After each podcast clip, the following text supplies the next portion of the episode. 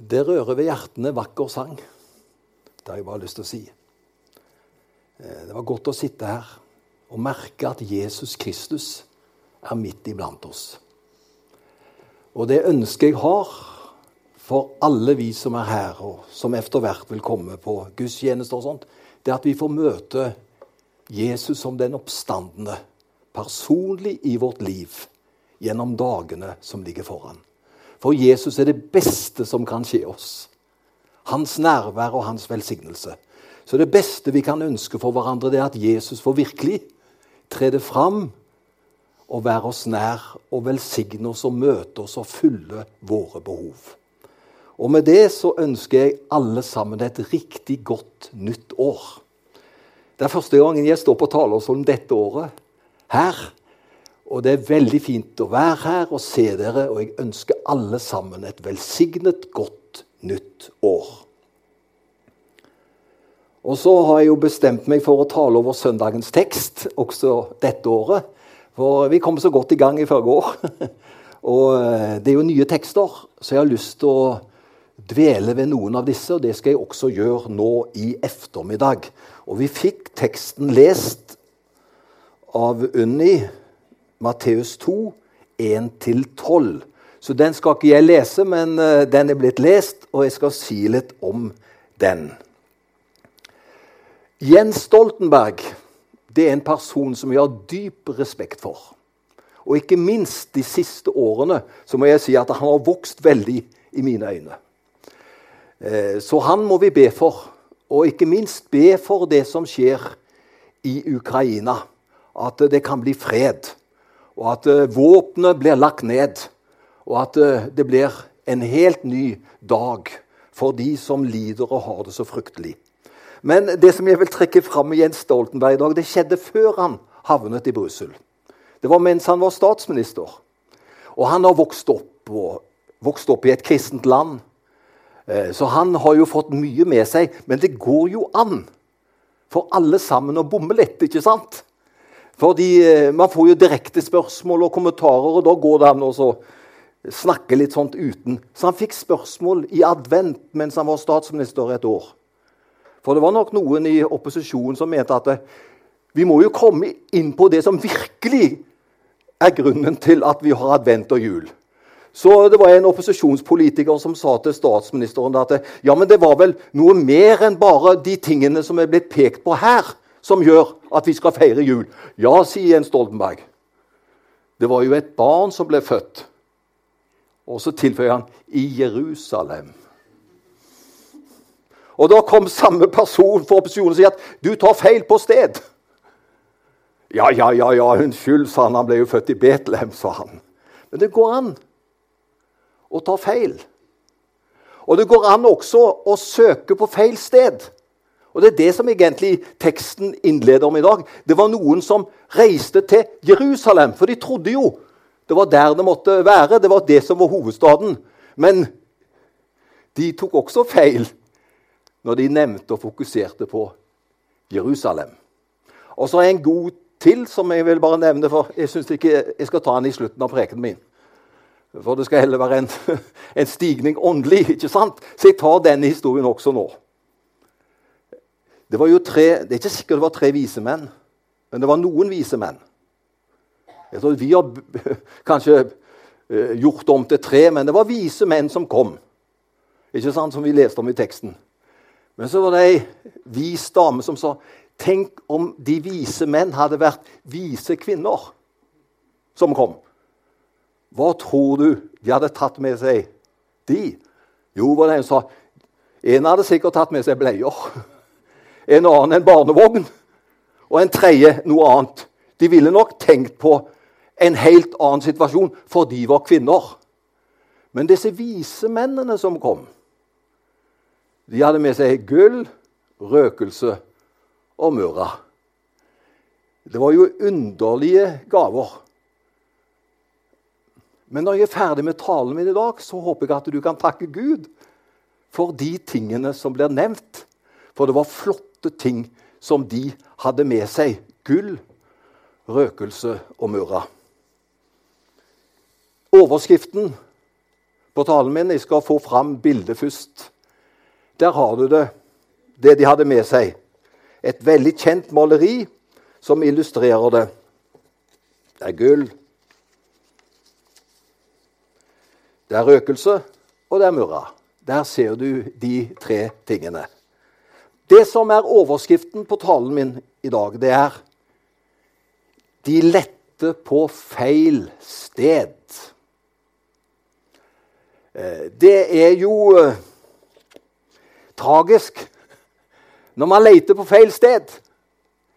Eh, når man satser og reiser og er overbevist om at det, det må være der det er å finne. Det må være der det skjer. Men de lette på feil sted, for de lette i Jerusalem. Og det var jo ikke der det skjedde. Forventningene våre stemmer ikke alltid med det som skjer. Vi håper og tror på å oppleve noe bra, men så kan det plutselig bli annerledes. Noen ganger blir det som skjer, verre enn det vi håpet på og forventet. Noen ganger så kan det være bedre. De vise menn Antallet får være underordna, men de vise menn de håpte å kunne treffe en prins på et slott. Det var de overbevist om. En slik som skal bli født, han må jo bli født i et slott. Det er jo en prins vi snakker om. I stedet fant de et barn som tilsynelatende var et helt vanlig barn, uten blått blod i årene. Men de visste at de var kommet rett, for stjernen stoppet opp akkurat der. Og Da var de overbevist om at her må det jo være stjernen på en mirakuløs måte bare stoppe. Og De hadde hørt noe om at stjernen skulle stoppe. Og når det skjer, så blir de naturligvis jublende glade. Det ble bedre enn det de håpet på. De vise menn var tydeligvis så vise at de forsto at deres forutinntatthet var nødvendigvis ikke sannheten. Jødenes konge var ikke slik som de trodde. Og der vil jeg bare slå inn et poeng til oss i dag. Vi kan ha forutinntatte meninger. Vi kan tro at det må være slik eller slik. Men tenk om det skjer på en annen måte enn det vi har tenkt oss. Hvem er det da som skal gi seg? Det må jo være oss. Og jeg tror vi bindes opp i forutinntatte meninger på så mange områder i dag. Vi har fått stor kunnskap, og vi har fått meninger. Og vi har selvfølgelig lov til å ha våre meninger. Men tenk om vi var mer avslappet. For det er ikke alltid våre forutinntatte meninger som er sannheten. Sannheten kan noen ganger være en annen. Alle har i dag stort sett meninger om hva kristendommen er for noe. Noen tror, og noen tror ikke. Men alle mener mye. Utrolig hva de mener, ikke sant? Noen gjør seg opp en mening med utgangspunkt i det Kirken gjør. Eller hva kristne mennesker foretar seg. Det blir liksom grunnen for det de mener om troen og kristendommen. Hva Kirken står for, eller hva enkelte mennesker foretar seg. Hør, det er et dårlig utgangspunkt. Bibelen er den viktigste kilden til informasjon for oss kristne. Skaperverket kan fortelle mye om hvem Gud er som skaper. Men hva, hvem Gud er som frelser, det finner vi bare i Bibelen. Og Derfor må vi lete der vi ser sannheten om saken. Og Derfor er det mange som kan si at å, de ser Gud her, og de ser Gud der. Men vi ser først og fremst Gud gjennom Hans ord. Og da må vi gå til boka som forteller hvordan Gud er. Der er sannheten. Vi finner det altså i Bibelen. De vise menn søkte den nye kongen i hovedstaden, der hvor rikdom og makt er konsentrert. Vi leter ikke etter en konge i dag. Selvfølgelig gjør vi ikke det. Men det er mange, mange mennesker i dag som leter efter mening med livet. De søker lykke. De søker frihet. De søker efter et godt liv. Og etter mer aktuelle verdier så leter de både på det ene og det andre stedet. Men kanskje vi, i likhet med de vise menn Kanskje vi også søker der hvor makt og rikdom befinner seg. Det er jo så lett å søke der, vet du. Der hvor makten er. Der hvor rikdommen råder. Det må jo være der vi finner svaret. Og så søker vi kanskje på de stedene, slik som de vise menn gjorde. De trodde jo det var i Jerusalem. Vismennene fant den nye kongen blant vanlige folk. Midt i det alminnelige. Der var Guds sønn, Guds prins. Og det gode og sanne livet, kjære venner, det finner vi midt i vår alminnelighet. Og jeg vil bare si det, Skal du få oppleve lykkelige dager, så se efter Gud i det alminnelige, i det hverdagslige, i de små tingene. Der er han overalt, og da vil du møte han. Men hvis du satser på stjernene for å finne det, da er jeg redd for at uh, stjerna når deg ikke. Og du blir ulykkelig og etter hvert kritisk. Tenk at det går an å finne Jesus i det alminnelige, i det hverdagslige. Han var på et helt annet sted enn det de vise menn trodde i utgangspunktet. De fant han i det vanlige, i det alminnelige. Det gode og sanne livet finnes midt i vår alminnelighet. Gud er akkurat der du er. Tenk om Gud var på et annet sted enn du var, og jeg er. Ja, Da ville det være en veldig avstand, men jeg har bare lyst til å si det. Gud er der hvor du er. Gud er i livet ditt. Gud er i hverdagen din. Gud er i smerten din. Gud er i dine bekymringer. Gud er midt i det hverdagslige. Han finnes og vil møte oss der hvor vi er. Og det er veldig sjelden jeg er på Tabors høydetopp. Jeg er mest nede i dalen. Men sannelig er det godt å være i dalen. Det er godt å være blant vanlige mennesker, og så opplever vi der er Gud med sin nåde, med sin miskunnhet. Og så glemmer han oss aldri. Det var i det alminnelige de fant Jesubarnet. De ble nok veldig overraska. Jeg har vært i så mange fjøs, særlig som guttunge. Jeg trodde jo en periode at jeg skulle bli bonde. Ebbe takker Gud at det ble aldri noe av det. Men jeg trodde det inntil jeg var 10-12 år at jeg skulle bli gårdbruker. Så jeg var veldig mye i fjøset når jeg vokste opp. Men det var det. Men det var i disse omgivelsene Jesus ble født. I et fjøs. De måtte jo på en måte få hakeslepp, de vise menn, når de så hvor stjerna stoppet og når de gikk inn, og så så Er det der han er? Hør! Det er der Gud åpenbarer seg. Og jeg har sagt det før, og jeg sier det igjen. Dette er glimrende. Dette er Guds pedagogikk.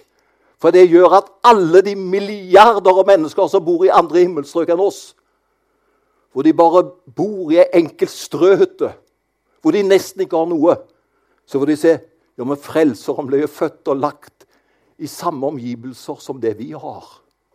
Gud møter oss og viser han er der hvor det vrimler av mennesker i det alminnelige, i det hverdagslige.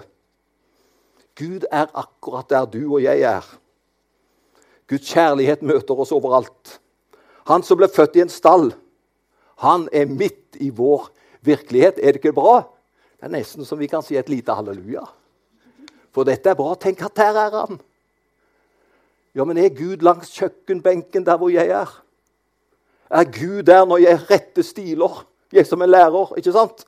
Altså, Ja, akkurat der hvor du er i din hverdag. Han er der. Han er bare en tanke unna. Så kan du tenke på han, så kan du bare be en liten bønn, og så er han der. Han er i det alminnelige. Det er flott. Og så ble Jesus født som Jonas eh, Nei, som Jens Stoltenberg, mener jeg, fikk korrigert. Det var ikke i Jerusalem. Han ble født i Betlehem. Og vet du hva Betlehem betyr? Det betyr brødhuset. Byen lå i et fruktbart landskap. Byen var også Davids by. Jeg syns det er så fint at byen betyr brødhuset. Var det ikke de Jesus kom da, som det sanne brød? Han som kom med den maten som vi trenger. Og så ble han født på et sted som heter Brødhuset. Jeg har vært i Betlehem flere ganger. Det er ikke alltid like enkelt å komme dit, slik som forholdene er nå. Men det var veldig enkelt. Der ble han, Guds sønn, født i en stall. Herodes, han var, som regjerte på den tiden, han var ja, Det er fælt å si det, men jeg må nesten si han, han ligna veldig på Putin. Og jeg skal forklare det. Derfor må vi be mye for Putin. For han har også en sjel. Vi skal be for han. Men Herodes han hadde stor brist i sin karakter. Han var ekstrem mistenksom. Han fikk drept sin eldste kone, Mariamne, og hennes mor Alexandra og hans eldste sønn og to andre sønner. Tenk, alle disse fikk han drept.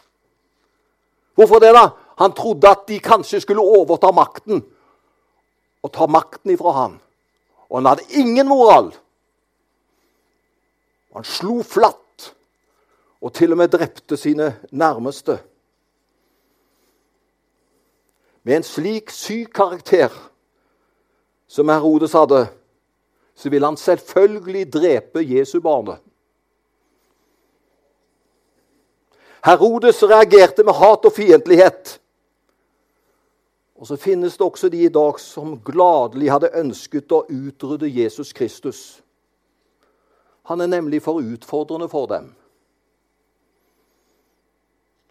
Og så finnes det ikke bare de som vil utrydde han, som er tyranner, som ikke har noen skrupler. Men det finnes også en del mennesker som er lik overprestene og de skriftlærde. Hvordan var de når de hørte om at Jesu barnet skulle komme? For de gikk også til de skriftlærde og spurte vet dere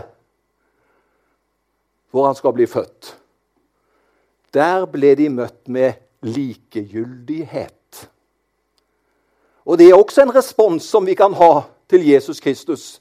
Vi trenger ikke hate han, vi trenger ikke ønske å utrydde. Men vi kan møte han med total likegyldighet. Deres egne saker er mer interessant enn Jesus Kristus. Tenk du, Slik var det blant uh, fariseerne og de skriftlærde, øversteprestene. Det var mer interessant det de bala med, enn at Jesus Kristus, Guds Messias, skulle komme. Men heldigvis finnes det også mange mennesker av samme reaksjon som den vismennene hadde. De var opptatt av kjærlighet og tilbedelse. Og så tilber de barnet. De bare vet. Her er det himmel som har kommet til vår jord. Og så har de med seg sine gaver. Og Nå skal jeg si veldig kort hva disse gavene betydde. For det var ikke vise kvinner som kom den gangen. Men det var noen vise menn, og da skal du høre hvilke gaver de hadde med seg. Og alle disse gavene fortjente Jesus Kristus. Han fortjener alt vi kan gi ham, og mye mer til. Gavene som de hadde med seg, det var gull. Det var gaver som ble gitt spesielt til konger. Vi kan aldri møte Jesus på like fot. Jesus Kristus er alltid kongenes konge og herrenes herre. Jeg håper at ikke Jesus bare blir en kamerat for deg. At ikke han bare blir en sånn en hyggelig venn. Han skal være vår beste venn, men la oss aldri glemme han er konge. Vi skal behandle han med respekt og ærbødighet. Tenk, du er frelser min, du er kongen min. Og Derfor bøyer vi oss for ham og ærer og tilber ham. Det står gullet for. De hadde med seg gull. Det var gaver som det beste som fantes, og det gav de til kongen. De gav det til rette vedkommende, de gav det til kongenes konge. Det andre de hadde med seg, det var røkelse. Det var egentlig gaven til en prest. Røkelse ble brukt i tempelet. Og det ble alltid en behagelig duft ut av røkelsen. Du vet, eh, De ortodokse har sin julefeiring nå. Og i ortodokse kirker så har du vært der, så merker du det er en sånn en duft der. For å si det sånn, Hos oss kan det nesten lukte svettelukt noen ganger. Men i disse stedene så er det en herlig duft. Det er røkelse. Og prest på latin, pontifex, betyr brobygger. Presten skal bygge bro mellom mennesker og Gud. Og derfor, Hvis ikke presten bygger bro mellom mennesker og Gud, så har presten forfeilet sin tjeneste. Det er det som er en prestens oppgave. Å være med å bygge bro mellom mennesker og Gud. Og røkelse, det er det som er gaven som står for prestens tjeneste. Han sprer røkelse, denne gode duften, for at alle skal ha det godt. Og så skal han knytte vei mellom mennesker, bygge bro mellom mennesker og Gud. Og så er det murra, da. Det er gaven til en som skal dø. Murra ble brukt som balsamering når noen var blitt død. De dødes kropper ble salvet med murra. Jesus kom til verden for å dø. Jesus kom for å leve for menneskene og til slutt for å dø for menneskene. Og Jeg syns også at de hadde med seg mura så bra. Det forteller at det barnet som var liten nå, det var noe profetisk i det. En dag så skal han dø. Og de hadde med seg mura som bilde på det er en som en dag skal dø for menneskeheten. Dette var gavene de vise menn hadde med seg. Tenk så komplott! Jesu vugge forutså at han skulle være sann konge. Det forutså at han skulle være fullkommen øverste prest. Og til slutt den høyeste frelser for menneskene. Det viste han da han døde for oss på Golgata kors. Der har det murra. Dette var gavene de vise menn hadde med seg. Så komplott. Så fantastisk. Og så kan vi, som ikke er til stede i Betlehem, og ser det lille barnet Men vi har møtt han i vårt liv. Vi har sett han er konge. Vi har møtt han som øverste prest. Vi har møtt han som den som døde for all verdens hund.